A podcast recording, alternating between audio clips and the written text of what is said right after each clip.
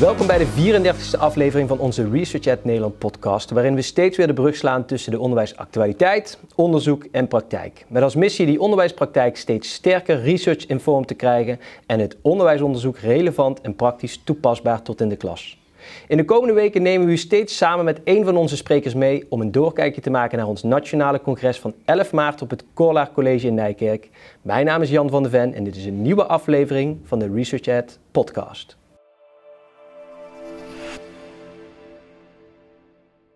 Vandaag niet vanuit onze opnamestudio in Culemborg, maar op locatie. Een basisschool in Hartje Amsterdam die in de afgelopen zeven jaar een ware metamorfose heeft ondergaan. Niet alleen de naam veranderde in deze periode, ook het onderwijsconcept, een groot deel van het team en de onderwijsresultaten, terwijl de doelgroep leerlingen vrijwel hetzelfde bleef. Op de Ellen Turing School heb ik vandaag twee gasten die aanschuiven achter de podcastmicrofoon. Twee leerkrachten die niets liever doen dan gewoon goed lesgeven en hiermee zelfs met de billen bloot gaan op ons aanstaande Research at Congres.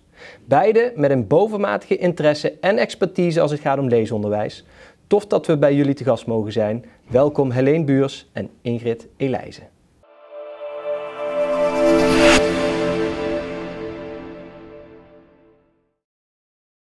Beste Helene, je hebt al vaker bij ons uh, op het podium gestaan en gesproken. Uh, Ingrid, voor jou wordt het de eerste keer. Ehm, kijk jij er naar uit, Ingrid, of zie je er een beetje tegenop? nou, beide. Ik kijk er wel heel erg naar uit, omdat we iets heel leuks gaan doen. Maar het is natuurlijk ook wel echt spannend. We gaan, zoals je zei, echt wel met de billen bloot. Iedereen kan meekijken. En spannend wat mensen daarvan vinden. Ja, um, Ingrid, um, toen uh, Helene je hiervoor vroeg, want het eerste contact kwam via Helene, ehm, heb je er toen ook nog even over getwijfeld dan? Of dacht je meteen van nee, dit moeten we wel gaan doen? Ik dacht wel, we moeten het wel meteen gaan doen, maar het is wel spannend. Ik ben natuurlijk gewend om voor een groep kinderen te staan en dat is echt totaal anders dan voor een groep uh, volwassenen. Ja. Maar uh, ik vind het wel heel erg leuk om te doen, ja, om het samen te doen. Helene, uh, je hebt al vaker bij ons gesproken, uh, op ons podium gestaan. het wordt wel iets anders deze ronde, wat je samen met Ingrid gaat doen, dan wat je de afgelopen keren bij ons hebt gedaan. Ja, dat wordt wel een stukje spannender als ik heel eerlijk ben. Kijk, um, ik vind het ook wel heel goed, want we wilden gewoon heel graag laten zien, we hebben het vaak over leesonderwijs, maar hoe ziet dat er nou echt uit in een les? En dat kun je toch onmogelijk in woorden vatten. Dus om dat te laten zien, dat vind ik ook wel heel erg leuk. En tegelijkertijd weet je, er zitten daar allemaal professionals met allemaal een eigen kijk op wat is dan een goede leesles of wat is dan goed onderwijs. En dat kan ook wel eens botsen, denk ik, of er iemand die daar heel anders naar kijkt. Ben ik ook heel erg benieuwd naar, naar die reacties. Maar dat vind ik ook, maakt het ook spannend. ja. Ja, hartstikke leuk. Uh, nou, we hebben de les net opgenomen. Uh, we gaan de komende weken zorgen dat die uh, fantastisch mooi afgemonteerd is om op 11 maart ook te tonen. Um, en er komt nog een sessie achteraan op 11 maart waarin jullie er samen met Martin Bootsma wat dieper op ingaan. Daarover in het tweede blokje wat meer. Ik heb er in ieder geval al wat van genoten, kan ik al wel verklappen. Maar ik wil ook even met jullie naar wat actualiteit. want in de week dat wij deze les bij jullie hebben opgenomen, uh, stond Amsterdam nogal ook in de picture als het gaat om, uh, om onderwijs. Ja. Uh, want het einde geloort eh, voor het klassiek onderwijs. En klassiek onderwijs zou dan zijn een bevoegde leraar met een klas kinderen. Ik heb net een fantastische bevoegde leraar in actie gezien met een klas kinderen. Hoe ehm, is dat artikel in het Parool waarin gezegd werd van, nou ja, misschien dat ook kunstenaars, accountants, muzici Ehm, en dan misschien een bevoegde leraar met een coördinerende rol. Ja, dat werd een beetje als een soort van toekomstplaatje geschetst. Hebben jullie dat uh, ontvangen met gehuil of met gelach in de lerarenkamer? Nou ja, we moesten eigenlijk, als jij dus inderdaad zegt klassiek onderwijs met één leraar voor de klas, dat dat dus klassiek is, daar moesten we net wel ook echt een beetje om lachen. Maar eerlijk gezegd, toen we het hoorden, dachten we wel, als dit gaat gebeuren, dan... Uh, zeiden we eigenlijk, dan stoppen we ermee. Ja, dat zeiden de meesten toch wel. Ja. ja. ja, kijk, weet je, dat zul je in de les ook zien, maar je kunt niet uh, vakken uit handen geven. Alles hangt zo erg met elkaar samen. Ja, en als je dan je voorstelt dat je een beetje als een soort coach of coördinator, of wat voor terms er ook aan gegeven, ja, dat, dan, haal, dan haal je eigenlijk het hele vakmanschap van de leraar haal je eruit. Ja, dat zou ik dat zou ik er ook echt wel mee stoppen, ja. Ja, het is mooi dat je dat zegt, want uh, dat vakmanschap, uh, nou, die les hebben we net bij jullie gekeken en het is een leesles, een leesbegriples, Maar er zit zoveel meer in dan alleen maar een tekst lezen. Ehm, wordt dat wel eens onderschat, denk je, van mensen die van buitenaf naar het primair onderwijs kijken? Dat er een soort van uh, model vanuit het VO overheen gelegd zou kunnen worden dat je met vakleerkrachten, nou, die is verantwoordelijk voor het stukje rekenen, die is verantwoordelijk voor het stukje taal, die is verantwoordelijk voor het stukje spelling. Uh, zou dat werken in het primair onderwijs wat jullie betreft? Nou ja, op de manier waarop wij onderwijs geven heb je rekenen wel apart, maar voor de rest zit lezen, zaakvakken, schrijven, spellen, dat zit allemaal bij elkaar. Dus als je daar losse mensen voor zou hebben, dan dat zou hier niet werken. Ja. En als je dan een coördinerende rol hebt, dat betekent dat je inderdaad dus, dan krijg je een hele andere baan. Want je doet helemaal niet meer het werk wat je wil doen. Ja. Uh, het probleem is natuurlijk aangekaart ook vanwege een flink lerarentekort, wat ook in Amsterdam heus wel parten speelt. Uh, slaat het lerarentekort op de Ellen Turing School al toe, Helene? Nou, eigenlijk hier uh, niet. Uh, hoewel we elke keer als, er, als we wel een vacature hebben ook het spannend vinden of daar genoeg op wordt gereageerd. Um, maar dat het lerarentekort hier heel groot is, dat merk je ook aan, aan, de, aan de gespannenheid. Ook in gesprekken met leraren onderling. Niet per se hier op school, maar wel als je hoort uh, bij, op andere scholen. Ja, dat is gewoon echt wel heel erg. En kijk, wij hebben het hier op school eigenlijk uh, wat dat betreft wel heel erg goed. We zitten ruim in de formatie. Ja, en we, we willen hier ook gewoon heel erg graag werken. we wonen allebei niet in Amsterdam, uh, maar komen toch elke dag hier graag naartoe om, uh, om ons vak uit te oefenen en om de kinderen iets te leren. En ik denk gewoon dat je ook heel erg als school kunt gaan nadenken: wat doe ik als school om ervoor te zorgen dat leraren hier graag willen werken? Ja. En dat ze hier graag willen blijven. Daar hoort bijvoorbeeld scholing bij. Als jij als uh, net afgestudeerd, uh, hup voor de klas en uh, ga er maar voor. Ja, dan, dan, dan mis je die begeleiding en snap ik ook wel dat je weer uitstroomt uit het vak. En dat is natuurlijk heel erg jammer. Ja, hebben jullie, voordat je op de Ellen Turing School werkte, de Ellen Turing School bestaat nu, is nu in zijn zevende jaar, zei ik al in de intro, ook nog op, op andere scholen gewerkt? Ja. ja. en als je dat legt eh, naast uh, hoe je nu bezig bent met je team, en je noemt net al scholing, is een concreet iets waar je aan zou kunnen werken, ook als werkgever, om het heel aantrekkelijk te maken, juist om op een school in Amsterdam uh, te werken. Wat zijn nog meer concrete dingen waarvan je denkt, dat hebben we hier gewoon keihard geregeld? Nou ja, ik woon dus buiten, of, of buiten Amsterdam. Ik woon in Meidrecht. En vroeger ging ik dus, omdat we hier geen parkeerplaatsen hadden, moest ik dus met de trein of met de auto hier naartoe. Ja, dat zou ik dus echt nu niet meer doen. Maar Eve heeft er toen voor gezorgd dat we allemaal een parkeerplek kregen, waardoor wij nu met de auto uh, naar school kunnen komen. Ja. En dat zijn wel, dat zijn van die voorwaarden dat ik denk, ja, als ik dat niet had gehad, dan, dan had ik echt heel, de hele grote kans gehad dat ik dichter bij huis was gaan werken. Ja. Dus dat zijn wel dingen. Hè, wij hebben ook heel vaak dat we uh, een kind ziek is of de opvang is dicht of we moeten iets regelen. Daarom worden we gewoon heel vrijgelaten, zijn we heel flexibel dat we dat wel kunnen opvangen. Ja. Dat zijn wel dingen die wij als moeders nodig hebben. Ja, ja. ja. dat snap ik. En um, hoe kijk je tegenover het feit dat, kijk, we zitten nu op de Ellen Turing School. Ik denk als je hier een uh, cirkel omheen trekt van uh, 500 meter, um, dat je een aantal andere scholen meer te pakken hebt uh, van het primair onderwijs, waar ze misschien wat anders in de, het lerarenkort staan dan, dan, jullie. Ik kan me ook voorstellen dat dat ook best lastig is om dat te beseffen, uh, dat het hier uh, ontzettend goed gaat. Ehm, zowel qua onderwijs als qua formatie, ja. als qua werkgeluk. En dat het drie of 400 meter verderop, ehm, ja, dat kinderen een stuk minder geluk hebben.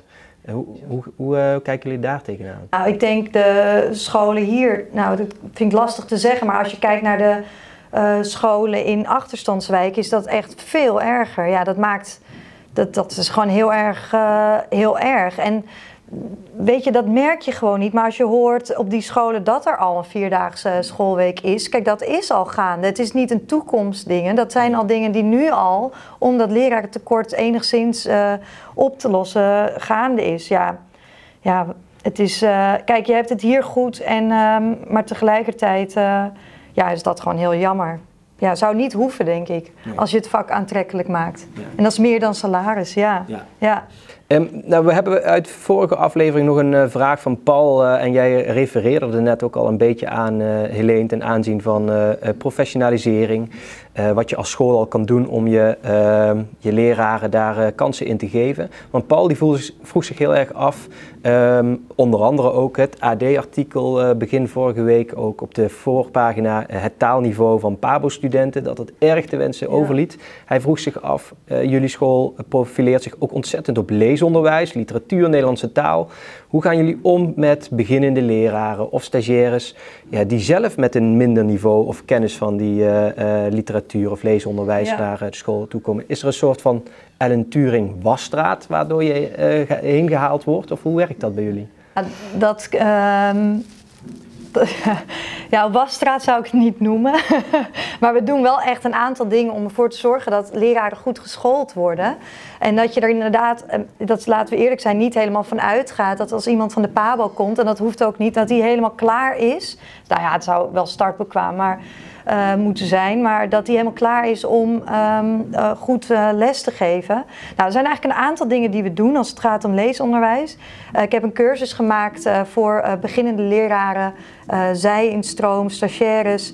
Dat als we veel nieuwe leraren krijgen, vorig jaar bijvoorbeeld, dat die cursus krijgen. Dus echt puur op didactiek ook, maar ook wat zijn nou goede teksten om te gebruiken.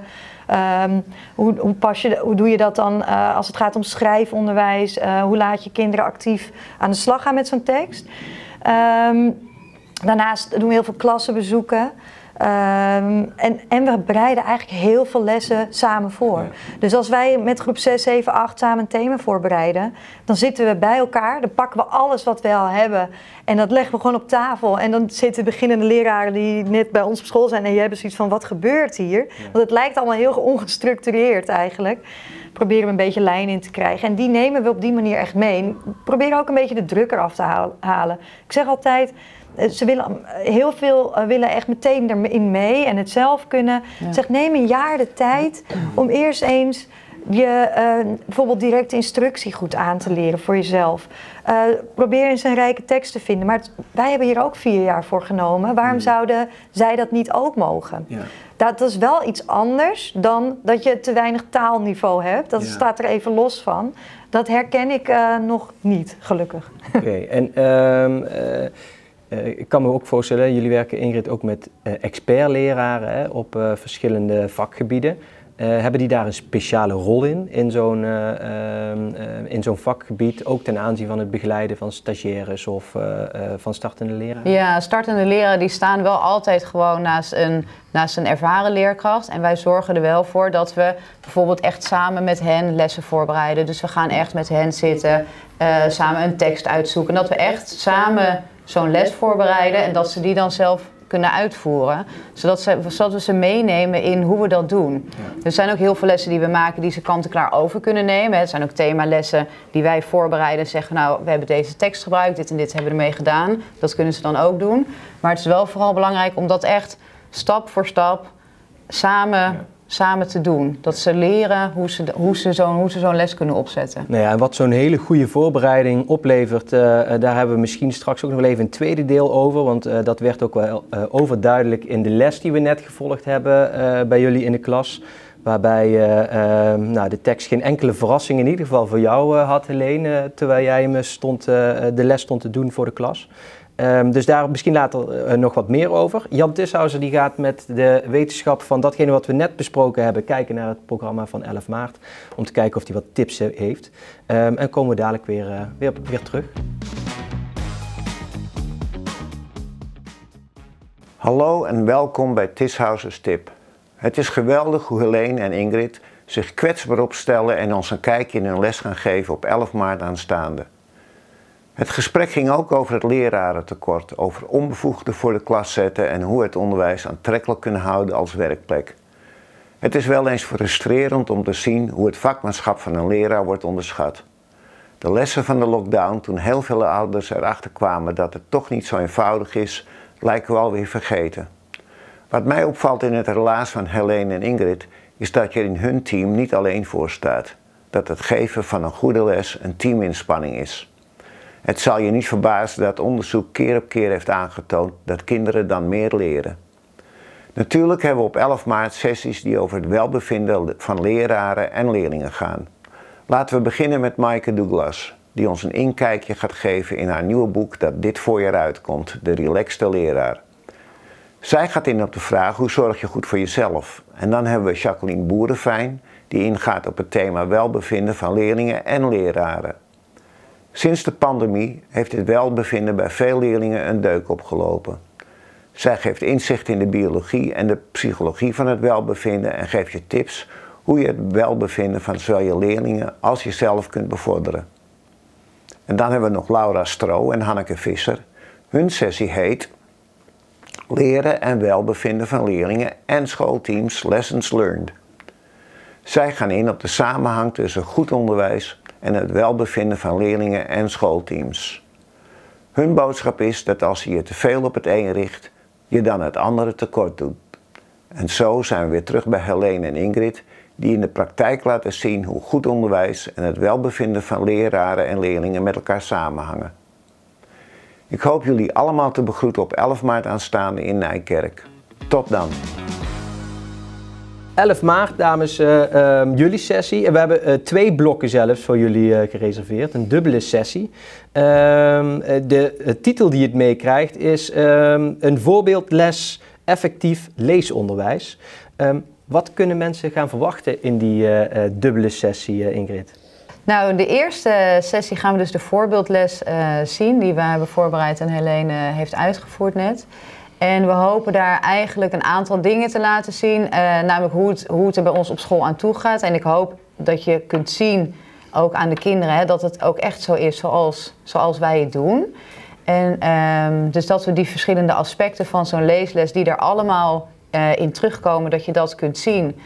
En dat je ook kunt zien hoe leuk het is als leerkracht om dit soort lessen te geven. Ja. Dat hoop ik ook wel echt over te kunnen brengen. Of dat dat overkomt, hoe leuk wij het vinden en hoe leuk kinderen het vinden om op deze manier les te krijgen. Ja, het, het was ook een bijzonder leuke les, uh, moet ik zeggen. Uh, Ingrid, kun jij, uh, sorry Helene, kun jij kort vertellen waar de les ongeveer over ging in een notendop? Ja, Men, in een notendop. Ja. Nou, het ging over het rampjaar 1672, ongeveer de tijd is van de Gouden Eeuw. Uh, kinderen wisten al heel veel over Michiel de Ruiter, de aanvallen op zee, uh, wisten al over de gebroeders de Wit. En nu eigenlijk het derde aspect van hey, hoe ging die aanval vanuit de Fransen en uh, vanuit Duitsland nou over land? En waarom lukt het nou niet om het westen van Holland te veroveren? Ja, dat is um, um, een inhoud die bij jullie ook uh, valt in een breder perspectief. Hè. We hadden het net al heel eventjes over. Uh, Ingrid, jij zei dat, dat je uh, hier op school, ja, je geeft niet een losse leesles of een losse taalles. je probeert alles ook een beetje binnen een bepaald thema, thema te vatten. Ehm, hoe bouw je um, richting zo'n kennis die we vandaag hebben gezien, um, bouw je daar naar op of kun je hiermee gewoon op dag 1 van het nieuwe thema gaan starten? Nou, wat wij doen is dat we altijd vanuit de kerndoelen zo'n thema opzetten. En dat we eigenlijk vier, vijf grote doelen vaststellen voor, voor, voor de klas. En uh, het is altijd bouwdoorbroken. Dus 6, 7, 8 heeft altijd hetzelfde thema. waardoor we ook dus lessen met elkaar kunnen uitwisselen. En eigenlijk gaan we om die lessen, of om die doelen, gaan we lessen heen bouwen. En dan gaan we teksten bij zoeken, gaan we boeken bij zoeken. En zo'n rampjaar, dat is niet een hoofddoel van het thema, maar dat is wel een doel wat daar aan vastzit. En we hebben eigenlijk één grote haak waar we elke keer alles aan kunnen ophangen. Mhm. En dan scheelt natuurlijk ook heel erg dat vanaf groep 1 wordt er zo gewerkt. Dus het is ook niet zo dat we in groep 6 beginnen met die kennis opbouwen. Dat is natuurlijk al vanaf groep 1, dus daar borduren we gewoon op voort. Ja, jullie zijn hè, in je zevende jaren eh, al twee keer gezegd hè, hier in Ellen Turing School. Um, toen we kwamen kijken om uh, ons voor te bereiden op deze leesles, een paar maanden geleden toen uh, liepen we ook de themaborden af. Um, en ik geloof dat jij het was, Helene, die op een gegeven moment zei in groep 5 hing een bord um, rondom, uh, ik geloof dat het iets met de middeleeuwen was toen, uh, toen we um, steden en ridders, een beetje die, ja. die hoek. En jij zei toen, dat bord wat daar hing in groep 5, jij zei van, goh, dit was een bord qua inhoud, ja. wat we in je pakweg vier jaar geleden nog in groep ja. 8 hadden hangen. Um, wat, wat zegt dat uh, um, ten aanzien van die, uh, het aanbod wat je kan doen aan die kinderen? Ja, dat zegt eigenlijk dat, dat het echt een teamprestatie is. Dus ook al, ja, je bent eh, als leraar eh, sta je misschien heel erg achter deze manier van werken, maar je kunt het niet alleen. Je haalt er dan nooit uit wat er potentieel wel in zit. En als ik terugdenk aan toen we begonnen, ook als het gaat om kinderboeken die ze lazen, maar ook om weinig kennis dat ze hadden. De lessen waren dezelfde manier mhm. opgebouwd, alleen de inhoud was een stuk minder diepgaand dan nu, omdat dit thema hebben kinderen drie jaar geleden ook al een keer gehad. En natuurlijk met een iets andere inhoud. Ehm, maar je kan daar heel mooi op voortborduren. Ze wist, weten al wat een VOC bijvoorbeeld was en de WIC en de driehoekshandel. Dat leren ze in de middenbouw. Ja, dat, dat maakt het zoveel rijker dan als je het alleen doet. Dit is groep 6. Ja, dat, dat deden we echt niet uh, zeven jaar geleden. Voortbouwen op uh, kennis die ook al in een eerder stadium is overgedragen. Ja. En weet je, Ingrid zei het net, en dat, daar zijn we altijd naar op zoek, naar dat haakje. Als je zorgt dat kinderen heel veel weten, dan heb je zoveel haakjes waar je weer nieuwe kennis aan kunt aan kunt hangen eigenlijk. En dat, dat vind ik zo mooi aan het thematisch onderwijs. Dus dat we ook bij deze les, hey, we weten allemaal al dit. En de volgende stap is dit. En dat is dan, daar neem je kinderen helemaal in mee. Ja, dat, dat, dat vind ik echt het allermooiste om te doen. Ja, dat werd ook wel expliciet in de les die we hebben opgenomen uh, door een aantal opmerkingen van kinderen die zelf verbanden leggen met uh, bepaalde jaartallen die voorbij komen of uh, namen die voorbij komen, die ze op een andere plek al wel eens gehoord hebben. Wij zaten achter in de klas, Ingrid, um, terwijl de les werd opgenomen met vijf verschillende camera's. Um, had je het idee um, dat uh, de kinderen um, of Helene ja, anders acteerden dan dat ze op een normale les uh, zouden doen? Ze gaven van tevoren aan ja. dat ze het best spannend vonden. Ja, ze vinden het ook wel spannend. Ze vonden het ook echt heel leuk. Het is wel echt, echt bijzonder. Ja. Maar... dus ja, misschien zullen ze iets stiller zijn geweest. Maar wat, wat het mooie is, dat je gewoon wel ziet ze zijn het zo gewend, weet je. Als ze zeggen pak je potlood, dan denken ze niet... oké, waarom moet ik mijn potlood pakken? Want dat doen we altijd. Zet een uitroepteken, dan weten zij echt wel... oké, dat, dat doen we altijd. Ja. Dus dat zijn toch gewoon routines die erin zitten... die, um, ja, die je nu dus gewoon terugziet. Ja.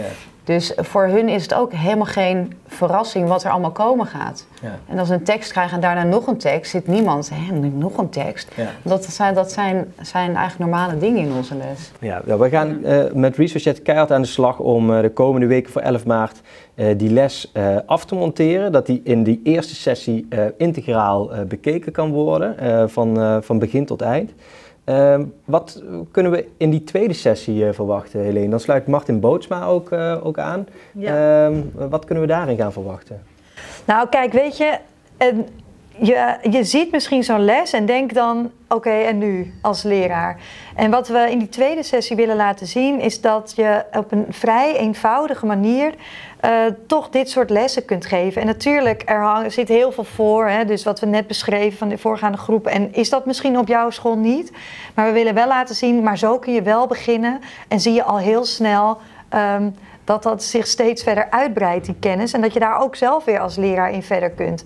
Ja, dat hoop ik heel erg. In die sessie gaan we dus echt in gesprek over, met de deelnemers over wat we hebben gezien. Dus ze geven duiding. hey, wat deden we nou hier? Waarom laten we kinderen het nou schrijven? Er zullen misschien ook wel vragen zijn van ja, maar waarom doe je dan dit of dat? Nou, misschien kunnen we daar uh, ook over in gesprek.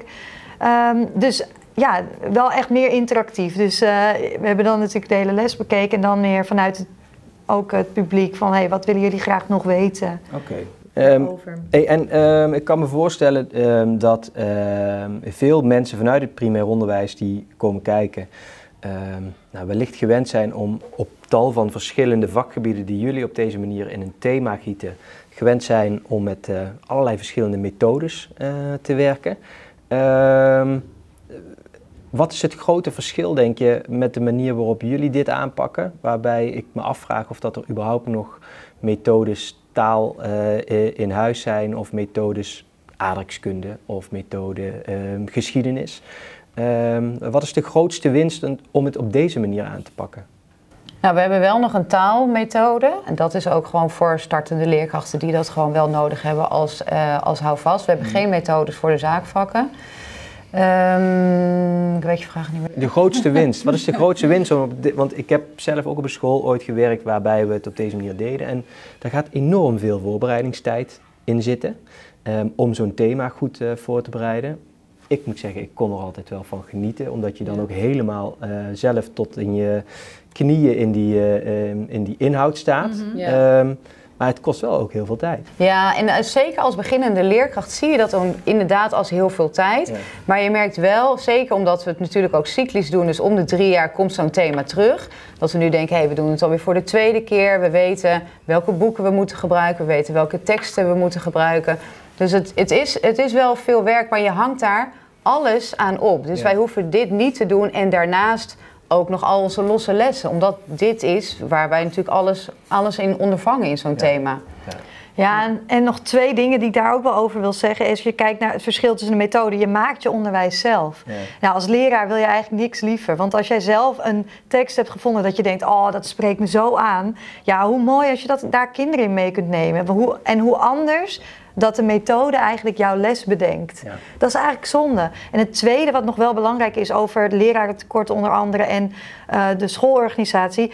Uh, leraren moeten ook wel tijd hebben om dit te kunnen voorbereiden. Als jij tot drie uur les geeft en daarna nog een vergadering hebt, wanneer moet je je thema voorbereiden? Ja. Dus uh, onze vergaderingen staan vaak, als we die al hebben, in het teken van dit soort um, voorbereidingen. Um, maar verder doen we dat dus eigenlijk heel weinig. En komen dus heel veel na schooltijd bij elkaar om dit voor te bereiden. Ja, dan is dat ook niet minder erg. Nee, precies. Dus en... je zit er niet in het weekend achter ons computer. Ja, en jij noemde het eerder al, hè, het, het vakmanschap. Uh, als je op deze manier als leerkrachten samen uh, je eigen onderwijs uh, van, van de grond af aan mag opbouwen. Ja. En ook ziet wat het doet met kinderen in de klas ja. en met jou als leerkracht voor de klas. Um, ja, dan is dat eigenlijk uh, wat, wat vakmanschap is. Precies. Ja. ja. Hey, um, volgende week hebben we uh, Marita Eskes uh, te gast in onze um, podcast. zij gaat ook een sessie doen samen met twee leerkrachten op, op 11 maart over leesonderwijs. hebben jullie een doorgeefvraag die ik mee kan nemen naar Marita volgende week? Ja, ik was wel eigenlijk uh, benieuwd. Uh, Marita geeft nu, uh, werkt al een tijd bij Expertis en uh, is ook bezig met effectief leesonderwijs.